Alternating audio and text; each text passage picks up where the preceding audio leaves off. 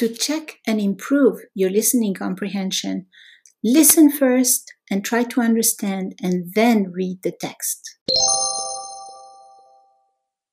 هناك بودكاست جديد متاح لمتعلمي اللغات. تنشر فيه نفس المعلومة باللغة الإنجليزية ثم بالعربية في اليوم التالي. يطلق عليه إلهام ثنائي اللغة.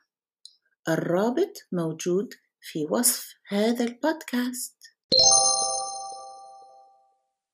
هناك بودكاست جديد متاح لمتعلمي اللغات. تنشر فيه نفس المعلومة باللغة الإنجليزية ثم بالعربية في اليوم التالي.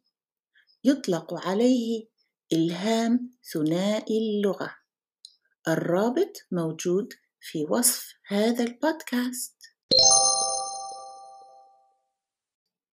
There is a new podcast out there for language learners in which the same information is published in English one day, then in Arabic the next day.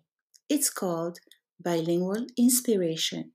The link is in this podcast description. Check out my YouTube channel and my books on Amazon.